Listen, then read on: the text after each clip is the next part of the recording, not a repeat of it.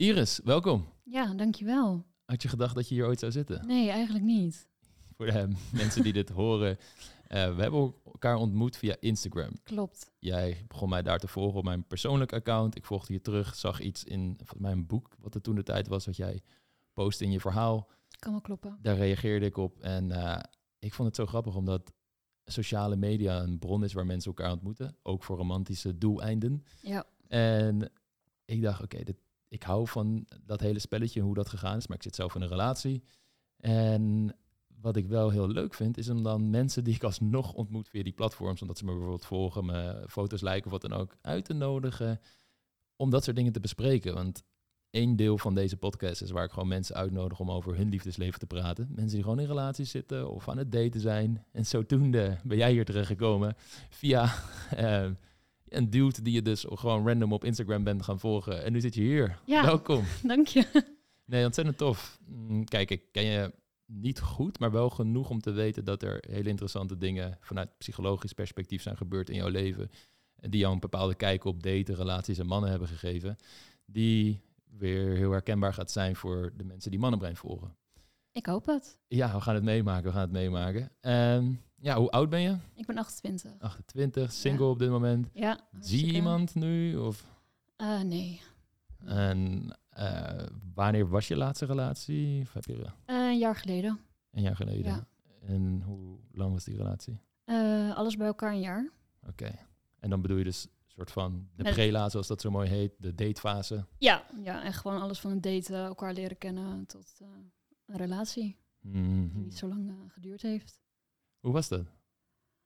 Uh, goed. Althans, het was een andere relatie die ik normaal heb gehad. Was liefdevol, respectvol. Uh, Mhm. mm -hmm. Hield misschien iets te veel rekening met mij dan met zichzelf. Ah. Um, Wat voor dingen merkte je dat? Hij was gewoon heel gentle, lief. Um, ja, ik denk dat hij daar zich ook zichzelf een beetje achter heeft gehouden om mij elke keer op nummer 1 te zetten. Wat ergens ook wel goed is, maar ik denk ook wel dat je jezelf niet moet vergeten in een relatie. En op wat voor manieren vergat hij zichzelf? Mm, ja. Moet ik even goed denken. En dat is een goede vraag. Meestal merk je het in dingen dat iemand heel erg pleasend in, is in zijn of haar gedrag. Dus stel, um, hij vindt iets niet prettig en je merkt aan hem dat hij het niet prettig maar vindt, maar dat hij het toch gaat verbergen omdat hij denkt van ja, wat ik vind doet er misschien niet toe of wat uh, Iris vindt in dit geval is belangrijker. Soms merk je dat mensen je heel erg naar de mond gaan praten. Uh, oh ja, wat doen maar wat jij leuk vindt. Of oh, uh, wat jij wil eten vanavond is ook goed. Dat soort patronen, maar het kan ook echt zijn dat ze gewoon heel stil zijn en afwachtend zijn en jou het initiatief laten nemen. Waren dat soort dingen of zat het in andere dynamieken? Nee, ik denk wel kom je van wat jij net opnoemt. Mm -hmm. Uh, mm -hmm. Ja, wat ik zeg, het is niet erg, maar je moet jezelf daar ook echt niet in vergeten en jezelf daarin verliezen. Ja, en dat is het boeiende. Dat hoe meer je naar de ander toe beweegt, op een gegeven moment is er een punt dat je zo ver bij jezelf weg komt te staan, dat je inderdaad jezelf verloren bent in die relatie. En dat het altijd een balans is tussen uh, naar de ander toe bewegen en de ander tegemoet komen, terwijl je eigen behoeften niet uit het oog verliest. En op die manier een situatie probeert te creëren die voor beide partijen voldoenend is en waar ze een beter persoon van worden. In een soort van ideaal plaatje. En veel vrouwen die bij mannenbrein komen, die herkennen zich vooral in de kant dat ze het pleasende gedrag vertonen. Maar er zijn zat mannen die die rol vervullen in de dynamiek tussen de man en de vrouw. En juist een hele pleasende Mr. Nice Guy rol schieten. Um, je vertelt van, oké, die relatie is anders dan wat ik daarvoor gewend was. Laten we een soort uh, relatiegeschiedenis van, nou, jou, van jouw leven uh, gaan doen. Maar hoe oud was je toen je voor het eerst geïnteresseerd raakte in jongens op een romantische manier? Uh, ik denk wel altijd. Mijn moeder zei altijd, Iris, jij bent mannengek, jongensgek. Oké. Okay. Dus ja, ik heb altijd wel vroeg in het man dat ik dacht, oeh, interessant. Oh, jij ziet er leuk uit. Oh, Mhm. mm -hmm. Groep vrienden, wie is daar de knapste van? Mm. Dus, Mm -hmm. Ja, ik vind mannen wel altijd interessant. Hou je van flirten, het hele spelletje van iemand ontmoeten? Ja, ik ben wel een flirt, ja. Mm. Ik hou er ook wel van. Ik hou er ook van als een man uh, terug flirt. Wat is flirten voor jou? Hoe zou je dat beschrijven? Uh, ja, heel ouderwets. Gewoon oogcontact, met uitgaan dan. Iemands aandacht uh, trekken heel de avond en dan kijken wat eruit komt. Hmm. Dus je geeft een soort uitnodigende signalen van interesse. En dan is het beetje afwachten, het spelletje van gaat die ander dat soort signalen teruggeven. En dan is Ja. het als het ware begonnen. Ja, Ja. Mhm, Oké. En daar begon je dus wel mee op de middelbare school. Dat was al de tijd dat je je eerste vriendjes kreeg? Of? nee, toen was ik nog niet de vrouw die ik nu ben. En je verandert sowieso heel je leven. Maar Mhm. ik denk vanaf mijn zestiende dat het wel... Hoe oud was je toen je eerste soort van officiële relatie had dat je uitspreekt naar elkaar van wij zijn vriend en vriendin? eh 16, 16. ja. Helder. En was dat lang? Was het een korte relatie? Oeh, volgens mij heeft hij een halfjaartje geduurd. Ja. Nou ja, niet al mijn, ja, eigenlijk al mijn relaties hebben niet heel lang geduurd. Hoeveel heb je er gehad? Ja, best wel veel. alright, alright. En kan je de eerste relatie nog helder voor de geest halen? Als in hoe dat was, hoe je dat ervaren hebt? Ja, het was onbezorgd. Eh, je bent nog niet getekend door wat er eh, komen gaat en wat er gebeurd is. Dus alles is nog heel liefdevol en je zit echt op een roze wolk. En hoe ouder je wordt, hoe meer je belazerd wordt, eh, tegenslagen daarin, Mhm. word je daar wel anders in. Ja, en dat is het voor mij ook de reden dat ik je heb uitgenodigd, omdat je dat vertelde van ja, ik zie het eigenlijk allemaal niet zo rooskleurig. Best wel een pessimistisch beeld van relaties en mannen en hoe je door mannen behandeld kan worden door de dingen die ik heb meegemaakt. Ja, Dus als ik het goed begrijp, die eerste relaties die je had, was misschien nog niet zoveel mis mee, maar gaandeweg heb je mannen ontmoet en daar zijn dingen gebeurd waardoor je nu zo in de liefde staat. Nou ja, dingen gebeurt als in vreemd gaan, eh, dingen zeggen dat ze je willen en vervolgens eh, hoor je ze niet meer. Dan eh, besta je niet meer op de wereld. En dan Mhm. twee weken later hebben ze een relatie met iemand anders. Mhm. En dan denk ik, ja, wat is nou de echte reden waarom je mij niet wil, Ja, maar je gaat wel voor haar en dan is het in één keer huisje, boompje, beestje. En Ja. eerlijkheid duurt het langste, maar ik ben wel van als het uit is of je wil me niet, geef me feedback waar het aan ligt, dan kan ik daaraan werken. Mhm. En dat gebeurt vaak niet. Nee, je wordt waarschijnlijk geghost, je hoort niks meer. Of, Ja. oh, ik heb het heel druk en kan toch niet afspreken. En eh, Ja, en dan is het klaar. En dat is prima, maar dan denk ik van, ik ben wel zo eerlijk dat ik wil weten waar het aan ligt. ja, Dan weet ik dat ik dat op mijn volgende relatie of partner, dat ik dat kan veranderen. heb je dat wel eens gevraagd aan zo'n man? Oh, bijna alle mannen. En die zeiden dan, ja, op dit moment eh, ben ik niet op zoek. Of je bent het niet. En dat kan. Mhm. Maar waarom heb je dan twee weken later wel iemand anders? Ja. Huh. Interessant wel dat je dat vraagt aan die mannen van, hey, waar lag het aan? Waarom hoor ik opeens niks meer van je? En ja, had je, merk je nog vaak dat ze mannen met een soort excuusje gaan komen van, oh ja, ik had het heel druk en dat soort dingen. Dat ze het eerst goed praten en dan pas wellicht een klein beetje eerlijke feedback geven. Of niet eens eerlijke feedback, maar in ieder geval de reden opgeven waar zij mee denken van, nou, dit kan ze wel aan als ik deze reden geef. Ja, 9 van de 10 keer is het van, ik ben niet toen in een relatie, je bent hartstikke leuk, maar het ligt niet aan jou. Ja. Kun je nog voor de geest halen de eerste keer dat je echt teleurgesteld werd in de liefde? Ja, wanneer niet? Maar de eerste keer. De eerste keer. Oh ja, die is, die is wel echt heel heftig. Ik heb ooit een auto-ongeluk gehad. Ehm, lang verhaal. Ga ik hier niet doen. Mhm. Maar die heeft me wel echt flink belazerd. Die zat op datingsites eh, terwijl hij met mij was. En dan word je wel flink. eh, Hoe oud was je toen? ja, 16. Dat, was dat de eerste relatie dan? Ja, ja, Van een half jaar. ja. En daarin trof je iemand die op andere da op datingsites zat, met andere vrouwen afsprak. Ja. Ja. Oké. Gegeven moment ben je daar, neem ik aan, achter gekomen. Ja. Die relatie is uitgegaan. Heb jij het Ja. uitgemaakt? Ik heb het uitgemaakt. Oké. Want je hebt hem hiermee geconfronteerd, neem ik aan. Dat wou ik doen. Maar Mhm. toen kregen we zo heftige ruzie. En toen was het gewoon... eh, ja, hij pakte zijn spullen toen niet weg. En waar ging die ruzie over? Eh, Over iets anders? Of al wel... Nee, over iets anders, maar wat weet ik niet meer. En terwijl jullie die ruzie kregen, wist je al dat hij vreemd ging. En, Ja, al- eigenlijk alles waar hij mij van beschuldigde, dat deed hij zelf. Ah, dus hij beschuldigde jou Ja, van vreemdgaan en met andere mannen afspreken, noem maar op, dat hij zelf Ja. dat deed. ja. En hoe ben je erachter gekomen? Ehm, zijn huis stond toen de tijd nog open. En daar kwam ik achter dat eh, vrouwen hem berichtjes stuurden en dat hij met hun afsprak. Hmm.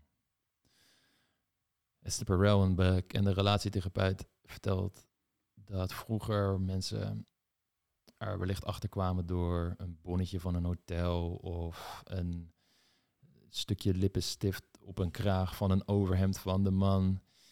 En dat dat al heel heftig is, maar dat je niet geconfronteerd wordt met de harde feiten. Ja. En ze vertelt, ja, tegenwoordig is een affaire waar je achter komt allemaal in het digitale tijdperk. Een, het gevoel van een dood bij het thousand cuts, zoals ze dat dan zo mooi zegt.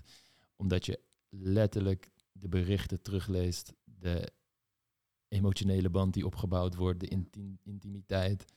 Ik kan me heel goed voorstellen als je dat op die leeftijd meemaakt, in een nog best wel vormende fase voor je eigen zelfbeeld ook, jouw plek Ja. in de wereld, de identiteit die je ontwikkelt van wie ben ik en wat ben ik waard ten opzichte van mannen en, en dat allemaal. ja. Dat dat een gigantische knauw geeft aan hoe je jezelf ziet. En misschien begrijp je rationeel wel van dit doet niks af aan mijn waarde, maar gaat het emotioneel wel aan je vreten van waarom zou iemand mij zo behandelen? Waarom overkomt dit mij? Eh, Hoe, hoe was dat voor jou toen je daar uit die relatie kwam en eh, hoe keek je naar mannen, naar jezelf? Ja, je zoekt het in eerste instantie altijd bij jezelf. En eh, ja, hoe ouder je wordt, hoe minder je eigenlijk naar jezelf kijkt. En denk ik, ja, prima, je wilt me niet. Ga maar lekker naar die ander toe. Dat is hetzelfde met vreemd gaan. Waarom moet je dat doen? Dat geeft zo deuk op je, op je eigen zelfbeeld en je zelfvertrouwen. Je, je vraagt je dan af, ja, ben ik wel goed genoeg? Waarom gebeurt het? Waren dat de exacte gedachten die jij ook in jouw eigen brein had?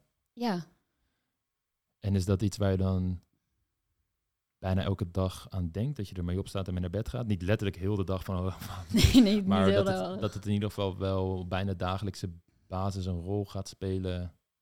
in hoe je de wereld ziet, hoe je jezelf ziet, emoties die je ervaart. Hoe moet ik dat zien? Hoe was dat voor jou, voor zover je dat nog weet?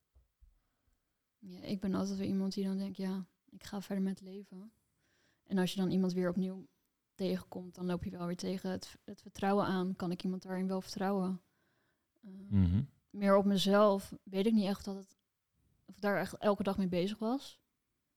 Maar ehm, Oké. En vervolgens ging je verder, dus je ging weer... Ja, ja het leven gaat verder. Je ja, het toch- leven gaat door. Je gaat toch door. Eh, wanneer kreeg je ehm, je tweede relatie? Hoe oud was je toen? Mm, ja, maar echt, ik ben heel lang vrijgezel geweest naar hem. Bewuste keuze? Of? Ja, ik dacht even, fuck, eh fuck the man. Oké. Eh, ja, toen ging ik samenwonen met, met mijn ex toen. En dat was ook niet echt een hele gezonde relatie. Hoe oud was je toen? Zo, dan moet ik even goed Ongeveer nadenken. 20, ouder, jonger? Is dat mijn 19, 20 jaar? 1920, oké. En hoe lang heeft die relatie ongeveer geduurd? Eh 2,5 jaar. 2,5 jaar. En je ontmoette hem via... Oeh, volgens mij via een gemeenschappelijke vriend. Ah, oké. Gewoon een normale leven, geen online dating. Nee, geen online. Helder. Hoe begon die relatie? Begon als vrienden. De relatie echt? Gewoon, oh, ja, gewoon, de, echt de, een relatie. omgangsvorm. Ja, ja, en eigenlijk, als ik erop terugkijk, was het eerste half jaar was perfect. En daarna liep het eigenlijk al bergafwaarts.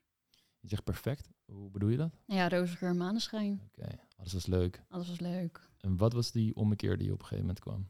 Ehm, ik denk met mezelf. Ik, had, ik kreeg toen uh, posttraumatische teststoornis. Hmm. Met meerdere factoren. Dat ik vroeger gepest was. eh, op werk ging niet heel lekker. Nou, relatie niet lekker ging. Dus dat werd er allemaal eh, ingegooid. En dat kwam er daar eigenlijk uit. Hmm. In die relatie. En hij zei eigenlijk al, toen ik het vertelde... Zei hij, ja, ik ga dit niet nog een keer eh, meemaken. Want zijn ex had, was depressief. Hmm. Dus eigenlijk had ik toen al moeten zeggen van... Dit was Stop. een half jaar in de relatie dat jij slecht begon te voelen en hij deze boodschap aan jou gaf. Ja, Toch is hij bij je gebleven? Ja. Waarom? Geen idee. Ja, maar waarom ben ik bij hem gebleven achteraf? Dat sowieso, daar kom ik nog op. Eh, maar heeft hij daar wel eens dingen over gezegd? Want dan gaf je eerst de boodschap van dit ga ik niet doen. Maar als je vervolgens bij, toch bij die persoon blijft, het lijkt me dat daar nog wel een gesprek over gevoerd wordt en dat, hij, dat je iets meer te weten komt over zijn beweegredenen. Is, heb- weet je dat een beetje of heb je Nee, ik heb me daar ook totaal niet mee bezig gehouden. toen ook niet? Nee. Dat is best heftig als iemand tegen je zegt Dat van... is. hey, eh, ja, jij hebt nu iets waar ik je op afkeur... en waardoor ik deze relatie wil beëindigen. Dan lijkt mij dat je zoiets hebt van... oké, maar wacht even, je bent mijn vriend. Als wij samen verder willen gaan... dan moeten we hier wel een goed gesprek over voeren. Want basically heb je zojuist de relatie beëindigd. Eigenlijk wel, ja. Maar hoe, hoe ging dat in jouw hoofd toen? Ja, ik was, ik hoorde wat hij zei, maar ergens dacht ik ook van ja, ik kan nu niet weggaan in de situatie waarin ik nu zelf verkeer. Ja, dus het was, dit kan ik er niet nog eens bij hebben. Dus Nee. ik parkeer dat. Ja, En ik heb genoeg shit om mee te dealen. Dat is waar ik volledig op focus. ja. En we zien wel hoe dit verder loopt. Ja. Maar ik ga het in ieder geval niet zelf uitmaken, want dan creëer ik zelf nog meer drama. En pijn. ja, dan heb ik nog meer pijn. Wat Mm. niet goed is, achteraf gezien. Ja. Voor beide partijen niet. Absoluut niet. Want dat is ook het lastige van dit soort dingen. Op het moment dat je in zwaar weer, zwaar weer terechtkomt in je eigen leven, dat je niet meer de kracht hebt om keuzes te maken die in lijn zijn met het hogere goed voor jezelf en voor die andere persoon. Waardoor het heel moeilijk wordt om standaard te hebben voor je leven. Want de standaarden die je op dat moment wil han- hanteren, die zijn er niet. Je bent meer aan het overleven dan het leven. Ja, Hmm. En je vertelde dan van ja, ik heb een pestverleden van vroeger en er kwamen nog wat andere factoren bij. Eh, waarschijnlijk was het niet zo dat dat het moment was wat het, dat de PTSS is ontstaan, maar dat de symptomen dusdanig heftig werden dat je erachter kwam dat je het had. Ja. Oké. Was je daarvoor wel eens in therapie geweest? Eh, met het ongeluk ben ik, heb ik een coaching gehad en inderdaad therapeut. En dat heeft wel echt enorm geholpen. Hoe oud was je toen je het ongeluk had? Was dat rond je 16? Ja, dat was al mijn 16 jaar. En dat kwam echt vijf jaar later kwam dat pas opspelen. Heb je EMDR gehad toen je Nee, die heeft het? nee. En toen je dus vijf jaar later met de symptomen kampte, toen wel? Of wat, wat waren de behandelingen die je op dat moment gekregen hebt? Eh, gewoon coaching en gewoon praten. Praten daarover. Een, een coach of een therapeut? eh therapeut. Helder. En alleen praten of heb Ja. je... Oké. Alleen praten. Hoe was dat voor je? Eh, nou ja, het heeft geholpen. Mooi. ja, het heeft geholpen. En eh, ik heb er soms vandaag de dag nog wel wat aan dat ik denk, oh ja, geniet van de mooie dingen die er, die er zijn. Het Hmm. mooie weer, de natuur. Klinkt helemaal cliché, maar het is wel... Ja, dat is het mooie van houdt. clichés. Ja, er zit toch gigantisch veel waarheid in. Ja, ja. ja, ik heb, ik heb er wel eens met het idee gespeeld om, om zelf een soort artikel te schrijven voor Mannenbrein met gewoon alle clichés die wel gewoon bijna een soort harde wetten, of in ieder geval sterke richtlijnen zijn in het leven. Van als je ze echt zou volgen, dat je daar leven er 100% op vooruit gaat. Maar dat is het grappige van dit soort prachtige waarheden op het moment dat ze te pas en ongepast gebruikt worden, dat ze natuurlijk hun kracht en schoonheid verliezen. En dat Ja. is zonde, maar eh, alle dingen die je opnoemt zijn prachtige zaken, eh, lijkt mij. Maar oké, dus je, je zit in die relatie, je komt in therapie, je merkt vooruitgang. Maar Ja. ik neem aan dat dat wel een paar maanden duurt voordat dat echt zo Nee, dat ging vrij snel. Ik was denk ik binnen twee maanden was ik daar klaar. Oh, Ja, alright. En toch veranderde de, de relatiedynamiek tussen jou en je toenmalige vriend. nee, die werd alleen maar slechter. Ja, dus dat bedoel ik. Dat bleef doorzetten naar Ja. iets negatiefs. Hoe, hoe ging dat in zijn werk? Wat gebeurde daar? Eh, hij had totaal geen oog voor mij. Eh, sterker nog, er kwam een collega slash vriendin eh, in beeld. Eh, hij had ook een vriendin trouwens, een goede vriendin. Ik ben dat je vriendinnen mag zijn. Een vrouw mag van mij. Maar omdat ik niet lekker in mijn vel zat, zag ik dingen die er niet waren. Hmm. Dus ik zei op een gegeven moment van joh, met die meid waar nu om mee omgaat, is zij meer dan een vriendin. Ja. En ik weet dat dat niet ten goede gaat van je relatie. Maar ik denk, ja, van die mug die nou in mijn hoofd zit, daar ga ik tien olifanten van maken, wat het alleen maar erger maakt. ja. En dat sprak je uit. En Ik hoe werd daarop gereageerd? Nou ja, ik werd gek verklaard en eh, er was niks. Wat achteraf ook zo was. Oké. Totdat die tweede vriendin eh, oppopte. Mhm. En daar kreeg ik hetzelfde onderbuikgevoel bij. Toen dacht ik, ja, ik ga niet weer eh, vragen aan hem of dat, dat wel meer is dan een vriendin. Ja. En achteraf eh, heeft hij het uitgemaakt en zijn die twee nu samen. Helder.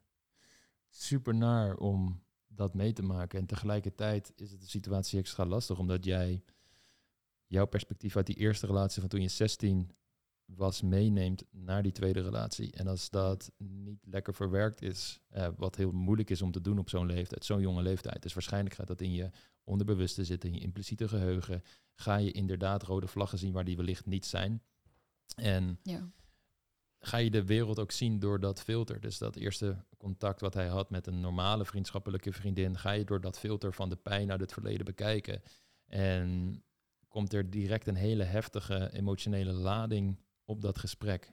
Waar je zou hopen dat twee mensen die van elkaar houden hier een gesprek over kunnen voeren dat lastig is, misschien moeilijk is en helemaal niet prettig is, maar in ieder geval erop gericht is om samen elkaar beter te begrijpen en te zien of ze misschien iets aan hun communicatie moeten veranderen, zodat je elkaar verder kan helpen. Ja. Maar wat je meestal ziet is dat vanuit jouw kant inderdaad al zoveel emotie bij komt kijken dat het lastig wordt voor de andere persoon om mee om te gaan. En wat ik bij zijn, bij zijn kant hoor is dat hij niet kon handelen met het beste voor de relatie en jou ook in, eh, in oog, maar eigenlijk alleen maar een soort verdedigingsreactie liet zien van hé, hey, nee, dit is niks aan de hand, je bent gek.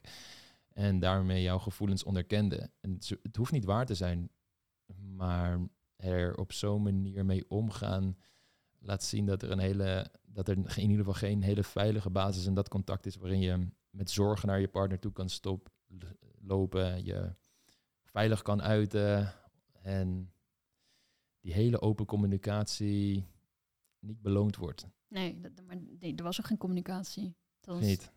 Je hebt één keer dat er. gesprek aangegaan, maar ja, ik snap dat jullie met elkaar praten. mag ik hopen. Eh, anders is het heel knap dat jullie 2,5 jaar hebben volgehouden. Maar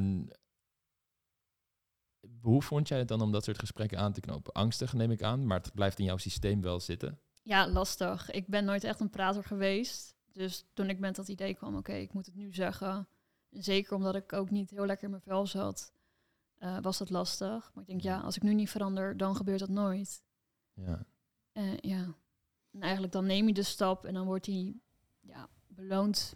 Klinkt misschien raar, maar je krijgt er niet de feedback van die je wilt horen. ja. Je wordt er niet in gepleased.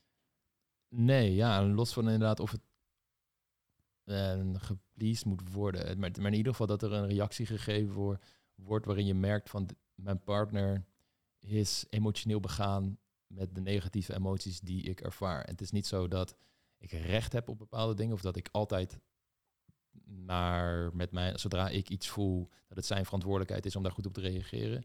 Hebben natuurlijk allemaal onze eigen verantwoordelijkheid om ook te kijken bij onszelf, wat, wat is het stukje bij mij, bij mij. Maar wat er inderdaad heel erg mist, is dat hij die echte afstemming van hé, hey, we zijn een team. Laten we kijken wat hier gaande is en waarom jij je zo voelt. En of ik misschien meer moet vertellen dan over mijn relatie en noem maar op. Kijk, en wat, wat er vaak ook is, wat je al zegt, ja, er was niet echt goede communicatie. En dat is wat je vaak ziet, dat omdat er een gebrek is aan... Kijk, veel mensen komen in zo'n relatie met een soort van persona. Een soort van, dit is wat jij van mij mag zien. Ja. En een blikje daar, de blik daarachter, die ontbreekt.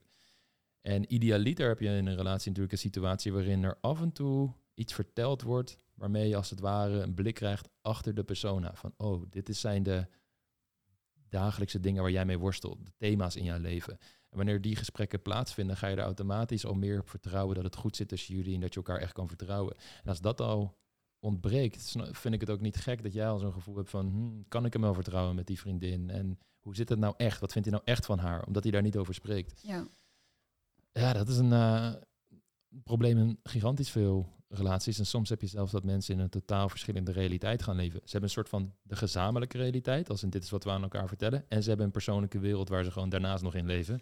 En daar kan een gigantisch groot verschil tussen zitten. ja.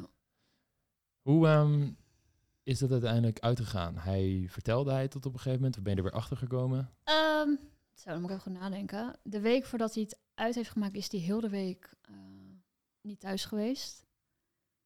Eh, het bizarre is nog dat ik een droom heb gehad dat die twee in de kamer bezig waren en dat zij bovenop zat. En een dag later maakte hij het uit. Had hij verteld dat hij weg nee. was die week? Dus hij was gewoon weg. Hij was gewoon weg. Hij, hij, bleef, dus hij bleef er ook toevallig slapen, want hij was uitgegaan. Ehm, dat ik denk, maar hoe kan had mijn onderbewustzijn daarover dromen? Dat die twee vreemd gaan met elkaar, dat er meer is. Mhm. En vervolgens maakt hij het uit en krijgt twee weken later een appje van... joh, hè, we gaan het proberen als relatie. Nee, ik denk, en wat ik merk in dit soort situaties, dat je onderbewust al heel veel signalen opvangt die dat er iets niet pluis is. Hoe die tegen jou communiceert, de dingen die die wel vertelt, daar kun je al heel veel uithalen, maar ook heel veel dingen die die weglaat en niet vertelt, terwijl je voelt dat er misschien wel wat zit. En dat zit hem in allemaal microcommunicaties gedurende de hele relatie, waardoor je iets gaat voelen bij een bepaald persoon. En eh, allemaal als hij dan ook haar vaak ziet. En dat weet je. Dus je weet ook wel dat er wel degelijk dingen gebeuren. Maar als je er misschien naar vraagt of je vraagt hoe was het, krijg je een heel oppervlakkig antwoord. Terwijl je weet van ja, dit kan het nooit helemaal zijn. Dan voel je dat stiekem al best wel aan. En ik denk op het moment dat hij bij haar blijft slapen na het uitgaan, week weg is en niks van zich laat horen, dat je op basis van al die gegevens, om het zo maar te zeggen, die je al verzameld hebt over een langdurige tijd, Ja. al heel sterk gaat aanvoelen van eh, hier gaat iets gebeuren. Hier klopt gewoon echt iets niet. En ik denk dat je intuïtie daarin een hele goede raadgever kan zijn. Ook in toekomstige situaties om dingen vroegtijdig aan te kaarten. Maar dat is het moeilijke. Dat je Ja. moet durven vertrouwen op je intuïtie. Dus dat is een soort vaardigheid ding. En tegelijkertijd ook nog de vaardigheid moet hebben om het aan te kaarten op een manier die productief is. Waarbij beide partners zich gehoord en gerespecteerd voelen. En dat is iets wat je helaas nergens aangeleerd krijgt.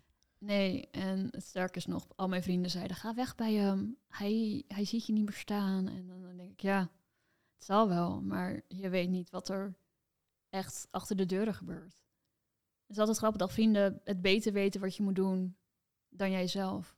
Wat gebeurde er dan achter de deuren? Wat bedoel je daarmee? Nou, eh, met mijn verjaardag was zij er ook. En alle aandacht ging eigenlijk naar haar in plaats van naar mij. Zijn aandacht Ging naar, naar haar. haar. Ja. op jouw eigen verjaardag. ja. En wat was er dan in jou dat je toch besloot om bij hem te blijven? Ja, ik ben toch wel ouderwets en dat ik denk van ja, het gras kan groener zijn, maar we kiezen toch elke keer voor elkaar. En ik denk dat het ook wel ergens een stukje is dat ik bang ben om alleen te eindigen. Dat ik, ja, dan blijf ik maar bij iemand die totaal niet goed voor je is. Maar dan heb je wel iemand. Dat was toen. Nu denk ik, ja, zoek het uit. Mhm. Ik ben liever alleen en gelukkig dan dat ik in een ongezonde relatie zit. Waar denk je dat dat gevoel vandaan kwam? Van beter iemand dan niemand en eenzaam zijn? Ik denk in de tijd dat ik echt lang vrijgezel ben geweest, dat mensen, hoe kan jij nog vrijgezel zijn? Je bent hartstikke knap en bla. Allemaal dat soort dingen dat ik denk, ja, is het uiterlijk zo belangrijk? Hmm. Dus omdat mensen die vraag aan jou gingen stellen, ging misschien jij ook de vraag aan jezelf stellen, als het ware? Van, Ja. Waarom ben ik eigenlijk Ja, vrijgezel? waarom ben ik eigenlijk vrijgezel? Is er dan iets met mij of zo? Of- ja. maar dat ga je denken op lange Ja. termijn. En ik kan me voorstellen dat dat een schaarste mindset gaat voeden. Als in, oh, ik heb nu iemand, die kiest in ieder geval voor mij. Ik ben geen vrijgezel meer. Het is misschien Ja. niet ideaal, maar het is beter dan niets. Ja. Beter dan weer met die twijfel rond gaan lopen. Ja, en weer dat daten. Ik heb een hekel aan daten.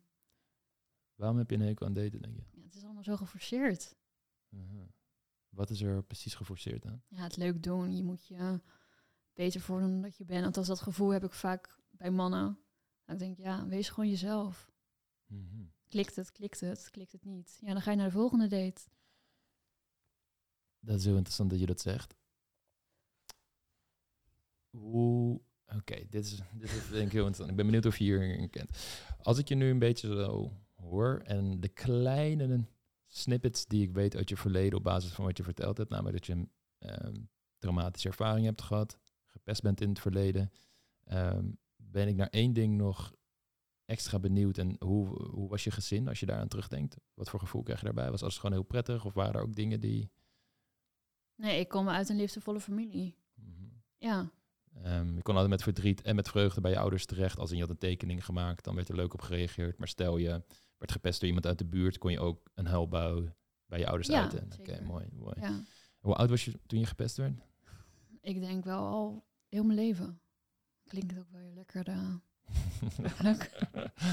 ja, welkom bij de podcast van Sigmund Freud. psychoanalyse waarin we jou zo dadelijk tekeningen laten maken en dingen in moet gaan herkennen. Nee, oké. Mhm. De reden dat ik er naar vraag is omdat meestal merk ik bij mensen die geen plezier ervaren in het daten, dat ze inderdaad een bepaalde bewijsdrang hebben dat de ander hen leuk moet vinden en dat, er, dat, ze, dat, dat, er, dat het geforceerd gaat aanvoelen omdat ze niet zichzelf kunnen zijn. ja. En dat jezelf zijn tijdens het daten is namelijk kwetsbaar. En wanneer je het gevoel hebt dat de anderen jou kunnen afwijzen op basis van bijvoorbeeld een pestverleden en dingen die je hebt meegemaakt in het leven, is het heel eng om jezelf te gaan zijn tijdens het daten. Want je wilt niet diezelfde afwijzing en pijn ervaren die je daarin kunt hebben.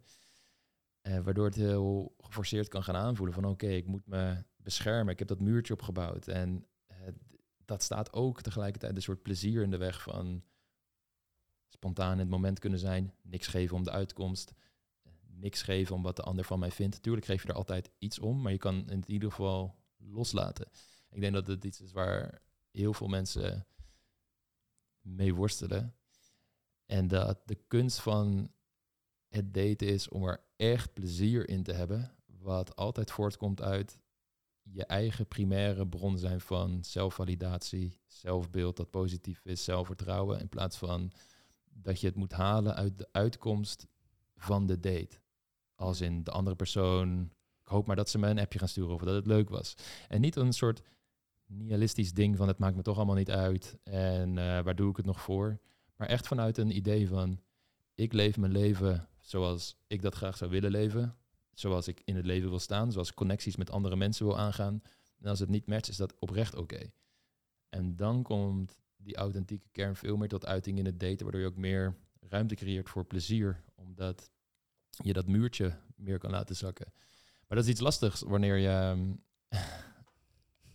veel negatieve ervaringen nog met je meedraagt en dat muurtje er nog voor een groot gedeelte zit. Uh, is, is, hoe klinkt dat voor jou? Is ja, bekend. Ja. Ik weet het ook en ik geef het vaak ook aan als ik iemand leer kennen van joh, ik heb een aardig muurtje om me heen, dus weet waar je aan begint. En dat het is bijna een uitdaging. Geef zo'n warning, uh, A4'tje met alle dingen op. Ja. Van, nou, hier moet je rekening mee houden, pas op voor dit. Hmm. Ja. Nee, maar het is ook, ik geef het aan, want soms dan zeg iemand iets en dan zit ik gelijk op de kast, want dan klap ik dicht en dan denkt diegene, joh, wat heb ik met haar gedaan? Ja. Het is ook meer bescherm, ja, bescherming voor hun, dat ze weten hoe ik kan reageren. Hmm. Ik weet dat ik het heb en ik ben ook niet de makkelijkste. Voor de.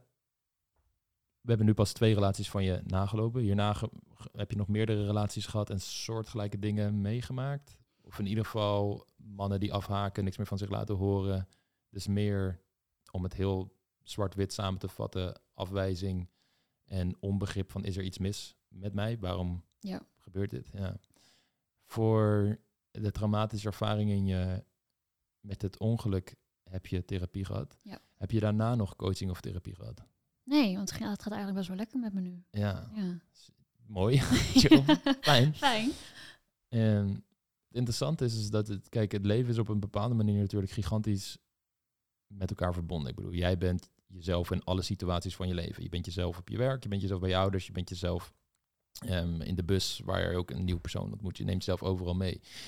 Tegelijkertijd verdelen mensen natuurlijk wel het leven ook in een soort van verschillende hokjes. Carrière, uh, sporten, hoe ik ben bij mijn vrienden.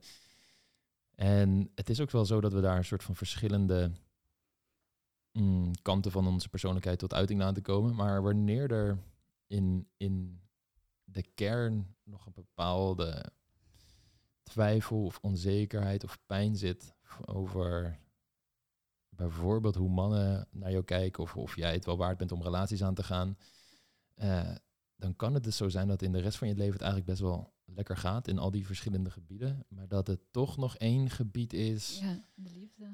waarin je ja, niet de successen behaalt zoals je... Of nou, succes is dan gelijk weer zo'n emotioneel beladen woord. Maar in ieder geval niet het leven leidt zoals je het graag zou willen zien. Wat je vervult. En, ja. Hmm. En dat is het interessante. Dat we voor heel veel dingen in ons leven... juiste hulp krijgen, zoeken. Bijvoorbeeld voor dat onderzoek. Als we ons depressief voelen, gaan we naar een, een psycholoog. Als we ziek zijn, gaan we naar de huisarts. Maar op het moment dat we door een heftige break-up gaan, verraden zijn door onze partner en dat meerdere malen of veel afwijzing ervaren, ja, dan vinden mensen het gek als je daar hulp voor zoekt of wat dan ook. Het is een soort van, ja, daar hoor je mee te kunnen dealen. Dat is een, het is vervelend. Pak je bak ijs, ik kijk je film, huil eruit en ja. ga weer door. Terwijl het net zo'n heftige impact kan hebben um, als heel veel ander leed in het leven. En wat je, vind ik, en wat ik ook zie, wat het meeste werkt, er echt bewust wil bij stilstaan van, oké, kan ik dit verwerken? Kan ik dit een plekje geven? Zodat ik niet meer de hele tijd mijn huidige datingleven door de bril van het verleden blijf bekijken. En elke keer op mijn hoede ben en elke keer die muur maar weer omhoog moet gooien. Um, hoe zie jij dat zelf dan? Heb je zoiets van, ja, misschien moet ik hier ook wel iets mee doen? Of? Ja, het ene moment dan loop ik heel Google af te zoeken met wat er mis met me is, uh, waar het kan, aan kan liggen. En het andere moment denk ik, ja, prima, dan uh, alleen verder. En vind ik het best.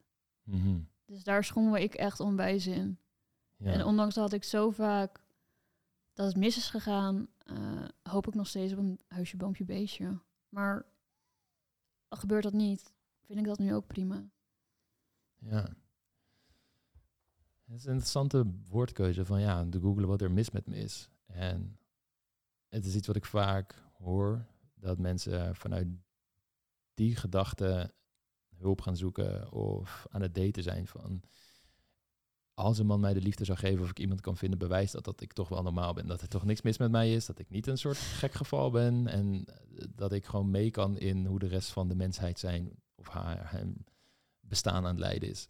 Ehm, wat interessant is als je die vraag verandert in van oké, wat is er gebeurd dat ik mij zo voel en in deze situatie bevind, is dat je ook op hele andere antwoorden gaat komen. Namelijk van oké, er is leed geweest in jouw relatiegeschiedenis en dat zorgt ervoor dat je nu op een bepaalde manier in het daten staat en je zo gedraagt. En wanneer je het op zo'n manier gaat bekijken ehm, en er niet een soort dating, eh, een soort van iets is in jouw kern van er is echt iets mis met mij waardoor ik dit allemaal heb, maar er zijn gewoon bepaalde dingen die ik heb meegemaakt, is dat je er weer wat aan kan doen. En als het ware nieuw momentum in je leven kunt creëren om weer vrij in de liefde te komen staan. Ehm, dit is voor mij een soort van heel normaal gedachtegoed. Want ja, ik doe dit al jaren, dit is mijn werk en ik hou me met niks anders bezig. Hoe zie jij dat? En wat zijn de gesprekken die je met vriendinnen of andere mensen in je omgeving hierover voert? Hoe, hoe gaat dat? Hoe kijken andere mensen hiernaar? Eh, mijn vriendin zegt altijd dat ik er een handje vol van heb om de verkeerde mannen uit te zoeken. Ja, Daar komt ook weer een stukje ex in voorbij. Als ik het ex bij iemand hoor, dan is dat eh, vaak geen goed teken. Hmm. Dan zijn ze nog niet klaar met hun oude relatie.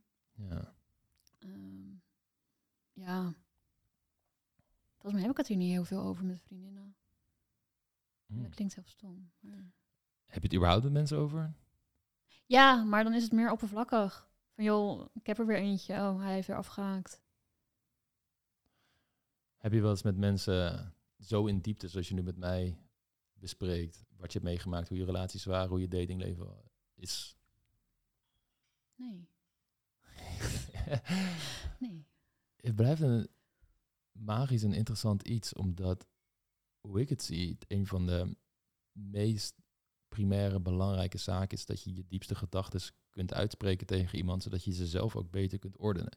Als ik met dingen worstel, bijvoorbeeld ehm, twijfels in mijn relatie of dingen waar ik tegenaan loop, of over werk of over iets, dan kan ik daar zelf heel erg verstrikt in raken in mijn eigen brein. Ik weet niet of je dit herkent, maar dat je je stelt jezelf zo'n vraag, bijvoorbeeld, waarom lukt het bij mij niet in de liefde? En je doorloopt eigenlijk continu hetzelfde pad. Dezelfde deurtjes die je open doet, dezelfde gedachten die gaan komen. Je weet al wat er gaat komen, maar toch ga je erin verder om te kijken of je eruit kunt denken. Um, en op het moment dat je dan zo meer in je hoofd gaat zitten, heel erg in je ratio gaat zitten en steeds meer uit je lichaam raakt, steeds meer uit je gevoel raakt, merk ik meestal ook een soort angst opkomen of zo. Of een soort ongemakkelijk gevoel bijna van, het- ik, ik kom hier niet uit. En dat kan heel lang duren als ik er zo zelf mee rond blijf lopen. Maar zodra ik het uit ga spreken naar iemand en zeg van, hé, hey, moet je luisteren, dit is waar ik mee zit. En ik kan mijn hart luchten. Puur het feit dat die persoon al soms naar me luistert, dus hoef ik niet eens goed advies te geven. Maar dat ik het uit kan spreken en soms de belachelijkheid er ook van in kan zien. En het daardoor kan relativeren van, ah, wat ben ik nou eigenlijk, waarom maak ik me zo'n eigenlijk ook zo druk over? Dat kan al een superhelend effect hebben. Dus een, een bekende psycholoog, Carl Rogers, wiens hele theorie was van ja, puur het feit dat jij aandacht geeft ook aan de andere persoon en een luisterend oor biedt, kan al een helend effect hebben voor die persoon dat ze een verhaal kunnen doen. En ik vind het zo wonderbaarlijk dat mensen op het gebied van daten en relaties het zo privé vinden, wat ik ook wel ergens begrijp, maar in ieder geval zo intiem vinden dat ze het moeilijk vinden om dat te delen, terwijl we eigenlijk allemaal met deze shit rondlopen en allemaal onze, op onze eigen manier hiermee worstelen. Uh, en toch doen we er altijd een soort van een beetje eigen geheimzinnig over. Van ja, dat vertel ik maar niet aan mensen. Want uh, ja, ik weet niet of dat wel de beste keuze is om te doen. Hoe, hoe kijk je daarnaar? Ik bedoel, je zit hier nu wel met mij. Je hebt het hier nu over. Ja, um, nou, ik schrijf dan, als ik echt maar iets schrijf ik het van me af. Mm. En ja, heel soms heb ik het dan met vriendinnen over, maar ik denk ook heel vaak, oh, dan zien ze me weer aankomen. Weer met een date die mislukt is. Ja, ja dat, dat is natuurlijk ook wel ergens een feit. Kijk, toen ik eh, zelf begon, begin 20, uh, 20 jaren met het hele datingadvies opzoeken en het echt opvolgen en noem maar op.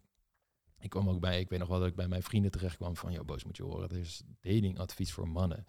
Uh, dit is echt te gek, let's go. En iedereen vond, keek me aan van, oh ja, ja, leuk. Maar ja, wij gaan weer verder met ons leven. Succes. Dus oké, ik moet mensen vinden die dit net zo vet vinden en die er net zo graag als ik over willen spreken en praten. Dus ik ging gelijk-minded mensen zoeken. En datzelfde principe is volgens mij heel gangbaar in, veel toepasbaar bij zelfontwikkeling over aan je, aan je liefdesleven werken. Dat je andere mensen moet vinden als het ware die daarvoor openstaan. Het liefst misschien juist wel mensen die je niet kent, omdat het gemakkelijker is om bij hun je verhaal te doen. In plaats van bij je vriendinnen, met wie je ook gewoon plezier wil hebben en de relatie wellicht niet te beladen wilt maken. Uh, ja, is dat iets waar je wel eens over nadenkt? Van oké, misschien moet ik maar gewoon eens, eens een, een, I don't know, een cursus mee gaan doen of wat dan ook. Ja, soms wel. En soms denk ik ook weer, ja, waarom heb ik het nodig? Ja. Er moet toch ergens een gek rondlopen die mij fantastisch vindt en mij alle liefde kan geven uh, die ik verdien en andersom? Interessante gedachte. Dat is ook zo. 100%. En dat, ik denk dat dat ook is wat veel mensen hebben. En ik ben benieuwd of je dit dan herkent. Dat je het gevoel hebt van ja, maar liefde hoor je niet een soort van te forceren of wat dan ook. En, en waarom zou het bij mij nodig zijn om een, een cursus te doen? Ik ben toch gewoon een oké persoon. Uh, en dat als je je dan zou opgeven voor een cursus of een seminar of boek hierover zou gaan lezen, dat je dan als het ware toegeeft dat er iets mis is. Misschien, maar misschien ben ik ook gewoon te lui om het te doen. Ja. ik denk, ja, waarom? Te lui om te doen? Ja. Leg uit. Ja, dan moet je toch weer je verplichte vrije dag opgeven voor zo'n cursus. Of een avond. Ja. En dan zit je daar met meerdere mensen. Of alleen. Ja. ja, dat klopt, ja. Dus ja, ik, ja, ergens zou ik het heel graag willen, maar het is denk ik ook wel de stap dat je het dan ja, toegeeft aan je onzekerheden.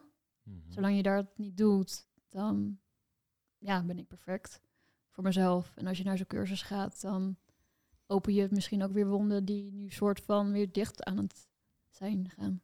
Hmm. Is er ook ergens een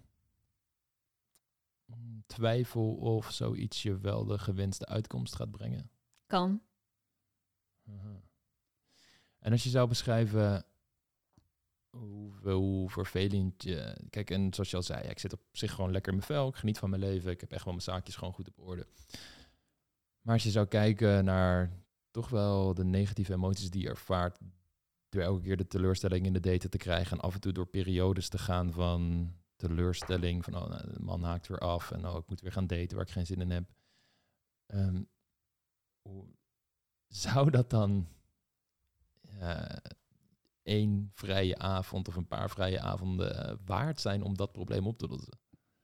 Ja, als je het zo hoe, zegt. Hoe werkt dat in jouw hoofd? Ja, maar als je het zo zegt, dan stelt het niks voor. Dan moet ik gewoon een cursus gaan beginnen. Nou, ja. nou, ik vind het altijd heel interessant, om, uh, omdat ik zie dat mensen soms leed hebben en pijn hebben, maar tegelijkertijd niet de stappen kunnen zetten. Dit, dit is echt de meest universele vraag die heel veel coaches en therapeuten hebben. Van oké, hoe kunnen we mensen in beweging brengen om de stappen te zetten waarvan we weten dat het ze gaat helpen. En er zijn heel veel variabelen die mensen tegenhouden en niet die stappen laten zetten. Dus het, is, het is een heel interessant iets, maar omdat ik hier nu met je zit, ben ik dan heel erg benieuwd ja, hoe, dat, hoe dat in je, in je hoofd gaat. Want het grappige is dus dat je dan toch, ondanks dat je er best wel veel nagheid door ervaart, niet in beweging gezet kan worden om stappen te zetten en om in ieder geval te proberen. Ja, ik denk dat het misschien ook wel een beetje, je weet niet waar je aan begint, dus ik blijf lekker buiten. Ja, terwijl daten, je weet ook niet waar je aan begint. Het is een hele scherpe. Ja, mensen zijn altijd bang voor het onbekende. En blijven daardoor liever met bekende pijn dan dat ze de kans lopen op onbekende pijn. Want dat kan misschien nog wel veel erger zijn dan datgene wat ik nu doormaak. En wat ik nu doormaak is niet prettig. Maar wie weet wat er gaat gebeuren als het nog veel erger wordt allemaal. Ja. Mm Ja, ik denk dat dat dan ook een grote rol speelt. En daarnaast wat ik eh, bij mezelf herkende was... eh, bijvoorbeeld, ik vond het heel eng om in clubs of in barren op vrouwen af te stappen. Ik wist niet, ik wist niet zo goed hoe dat ging. En, en ik dacht van ja, wat ga je dan zeggen en zo. En tegelijkertijd had ik een ego opgebouwd waarin ik mezelf, maar vooral aan anderen de hele tijd aan het vertellen was dat eh, vooral het succes met vrouwen laten zien. Van, omdat ik daar dan weer validatie kreeg van andere mannen. En, en zoiets had van ja, als ik op andere vrouwen ga afstappen en ik ga als het ware echt mezelf testen aan of ik eigenlijk wel gewoon een, een leuke man ben die ze willen ontmoeten, dan kan die soort van fantasie die ik heb opgebouwd zomaar in duigen vallen. Dus als ik hier gewoon veilig aan de zijkant blijven staan, kan ik het altijd uitstellen naar morgen. En van nee, morgen ga ik het echt doen. Maar nu, nu nog niet, nu is het oké. En omdat ik nu mezelf niet echt test aan de realiteit, kan ik altijd tegen mezelf zeggen, zeggen van ja, maar als ik het echt zou doen, dan zou ik sowieso succesvol zijn. En dit en dit en zus en zo. Maar eh, ja, dat is niet nodig, want ik heb niks te bewijzen. En heel veel van dat soort gedachten gingen altijd door me heen. Maar ik merkte wel dat het mijn avond altijd heel erg beïnvloedde in clubs. En ook op, zelf op een gegeven moment dacht van ja, ik moet, ik wil hier, ik wil hier echt iets mee doen. Want dit gevoel wil ik gewoon niet meer hebben. Ik voel me een soort sociaal belemmerd in dit soort situaties. En dat ik toen eh, nuchter uit ben gegaan, ook met, met jongens in de datingindustrie die hier dan mee bezig waren, eh, om aan zichzelf te werken en die sociale vaardigheden op te bouwen. En ik kan me nog heel goed herinneren dat ik één avond zoveel plezier had en totaal niet bezig was met, oh, ik moet een vrouw versieren of een praatje maken, wat ze van me vinden, maar echt alleen maar plezier had en in een soort flow staat terecht kwam. En toen ik dat eenmaal ervaarde, dacht ik, ah, dit is waar het eigenlijk echt om draait. Het plezier maken, het authentiek jezelf kunnen zijn en die kanten van jezelf tot uiting laten komen waar je een prachtige connectie met een andere persoon creëert.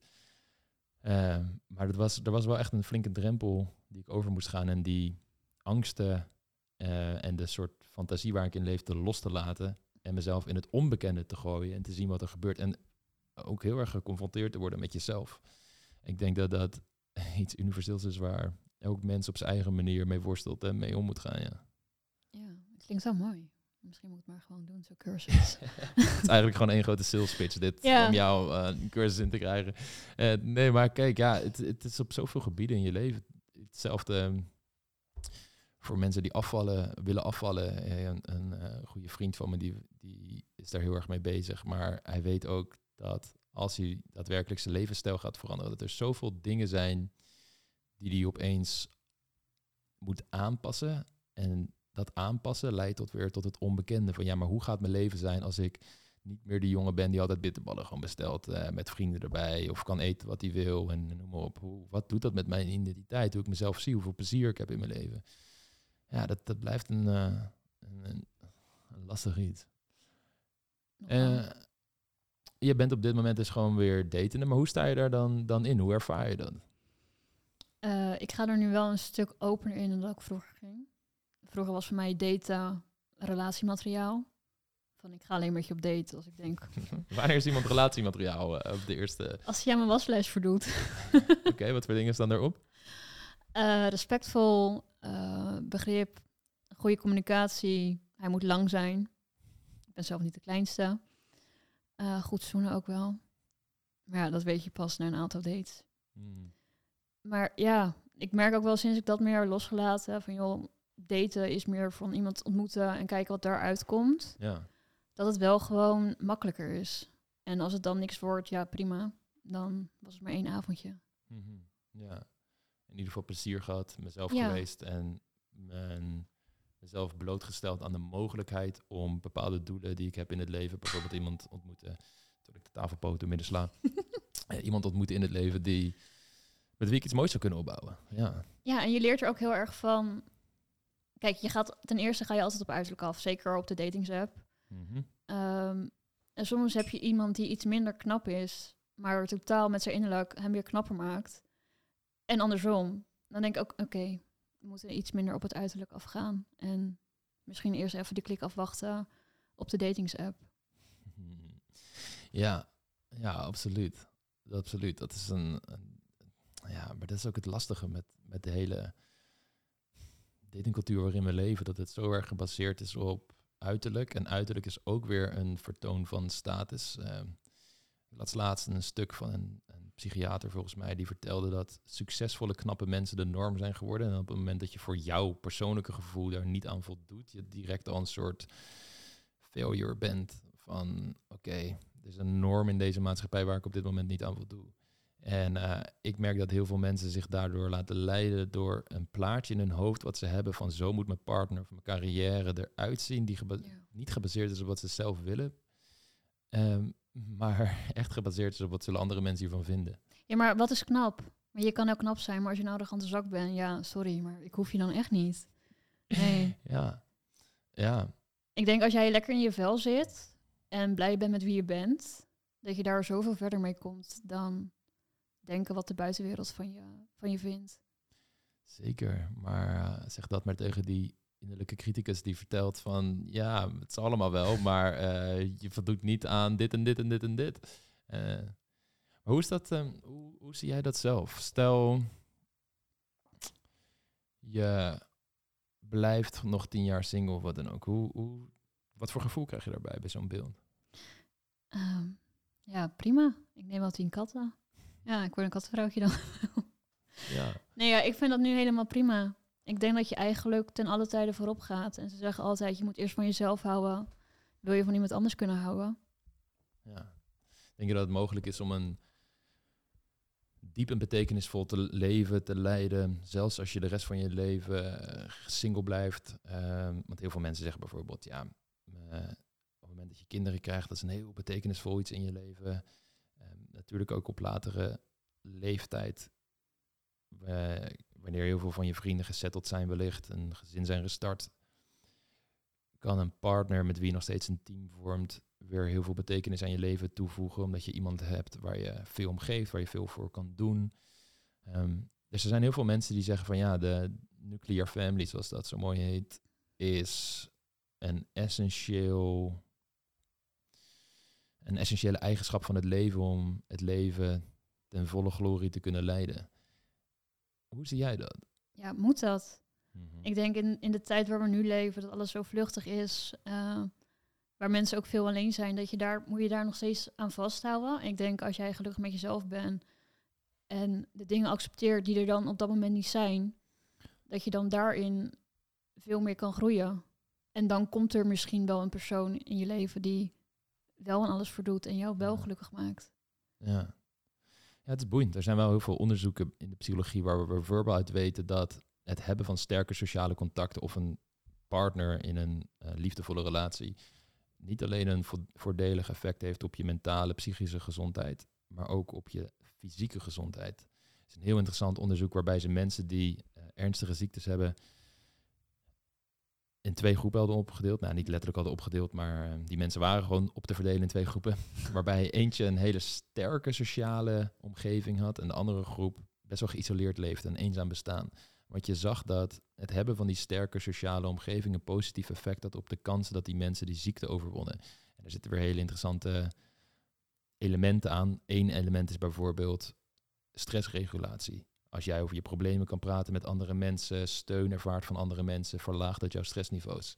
En wanneer je dat niet hebt en dus de hele tijd in je hoofd leeft met al die problemen die je hebt, kan je ook weer meer lichamelijke stress ervaren. Stress is weer slecht voor je immuunsysteem, waardoor je weer minder goed in staat bent om zo'n ziekte te bestrijden. En zo zijn er heel veel interessante dingen. En mensen zeggen dan wel eens van ja, dus wat dat betreft zou je kunnen zeggen dat een relatie zowel voor je mentale, psychische als, als fysieke gezondheid het beste is. Uh, tegelijkertijd hoor ik ook wat jij zegt, van ja, ik weet niet of het wel echt nodig is. En ik denk, eh, dat is de vraag die ik mezelf ook vaak heb afgesteld, zou ik een gelukkig, diep, betekenisvol bestaan kunnen leiden zonder kinderen, zonder partner, rest van mijn leven, bachelor bestaan, let's go. En ik dacht, mijn antwoord is ja, maar ik moet wel veel creatiever omgaan om aan die primaire menselijke behoeftes te voldoen die wellicht makkelijker te bevredigen zijn in een relatie. Uh, zoals je hechten aan een bepaald persoon.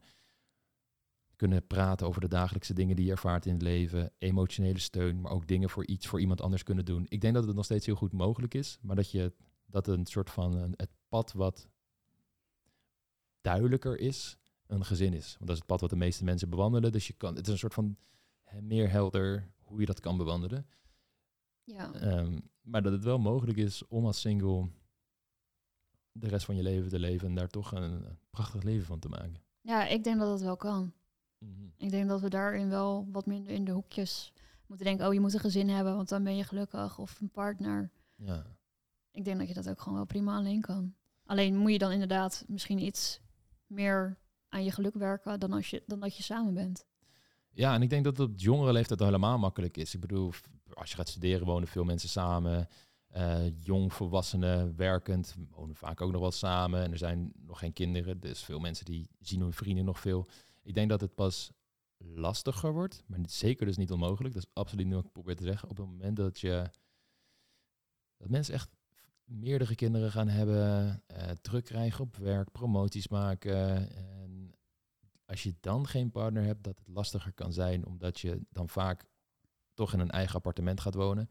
En als je dan nog ouder gaat worden en je kinderen gaan op een gegeven moment ook het huis uit, je hebt misschien niemand meer echt om op je dagelijkse kleine momentjes eventjes te zeggen hoe je dag was of hoe je je voelde of, of je, je dingen bij te kwijt te kunnen, dat dat de momenten zijn die, die lastig zijn. En dat is ook vaak wat ik hoor in coachinggesprekken van zowel mannen als vrouwen die bij mij komen van ja, soms heb je gewoon momenten dat je op de bank zit en dat je je gewoon eenzaam voelt als je niemand in je omgeving hebt. Het zijn soms ook mensen die 20 jaar getrouwd zijn geweest en gescheiden zijn, kinderen zijn al het huis uit en opeens dan weer alleen staan in het leven, terwijl ze 20 jaar mensen om hen heen hebben gehad in een directe omgeving.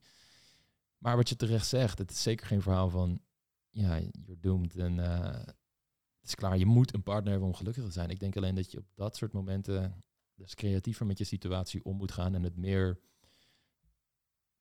creatieve denkkracht vereist om je primaire sociale behoeftes nog steeds te voorzien. Ja, dan wordt het gewoon veel naar de kroeg gaan. Er zitten genoeg mensen beginnen. die alleen zitten. nee, maar dan Ja. moet je gewoon wat socialer zijn, denk ik. ja, En het daarin opzoeken. Ja, zeker. En ik denk dat dat ook nog steeds eh, ontzettend goed mogelijk is. Je gaat gewoon mee met je beste vriend en zijn vrouw eh, op Ja, vakantie. en- Gewoon eh derde wiel. ja, nee, zeker. Ja, er zijn zat dingen van vrijwilligerswerk tot sporten, tot aanmelden bij bepaalde clubs. Ehm, tot gewoon een praatje beginnen met iemand op straat. Tot ehm, ook oké zijn met het op jezelf zijn en, en meer innerlijk werk verrichten. En, en genieten van de kleine dingen om je heen. Een huisdier, eh, noem maar op. Ja, zeker. Hoe, ehm, hoe kijk jij... Oké, we voeren nu voor ja, een heel gesprek voor een he- best wel lange poos al voor oké, jouw hele liefdesleven waar je daarin tegenaan loopt. En ik zit een beetje te peilen van oké, hoe zit het dan? Hoe kijk je naar de toekomst? Hoe kijk je naar je eigen persoonlijke groei? Zijn er dingen die je zelf nu ervaart waar je denkt van ja, misschien ga ik het toch anders aanpakken of anders doen of Nee. Hm. Dat, en je gaat gewoon verder met daten, mannen ontmoeten op de manier zoals je het deed, eh ziet wel hoe het loopt en... Ja, Mhm. eigenlijk wel. Ik ben nu wel op een plek dat ik denk, ja, ik ben happy met mezelf. Ja, Eh, werk gaat lekker.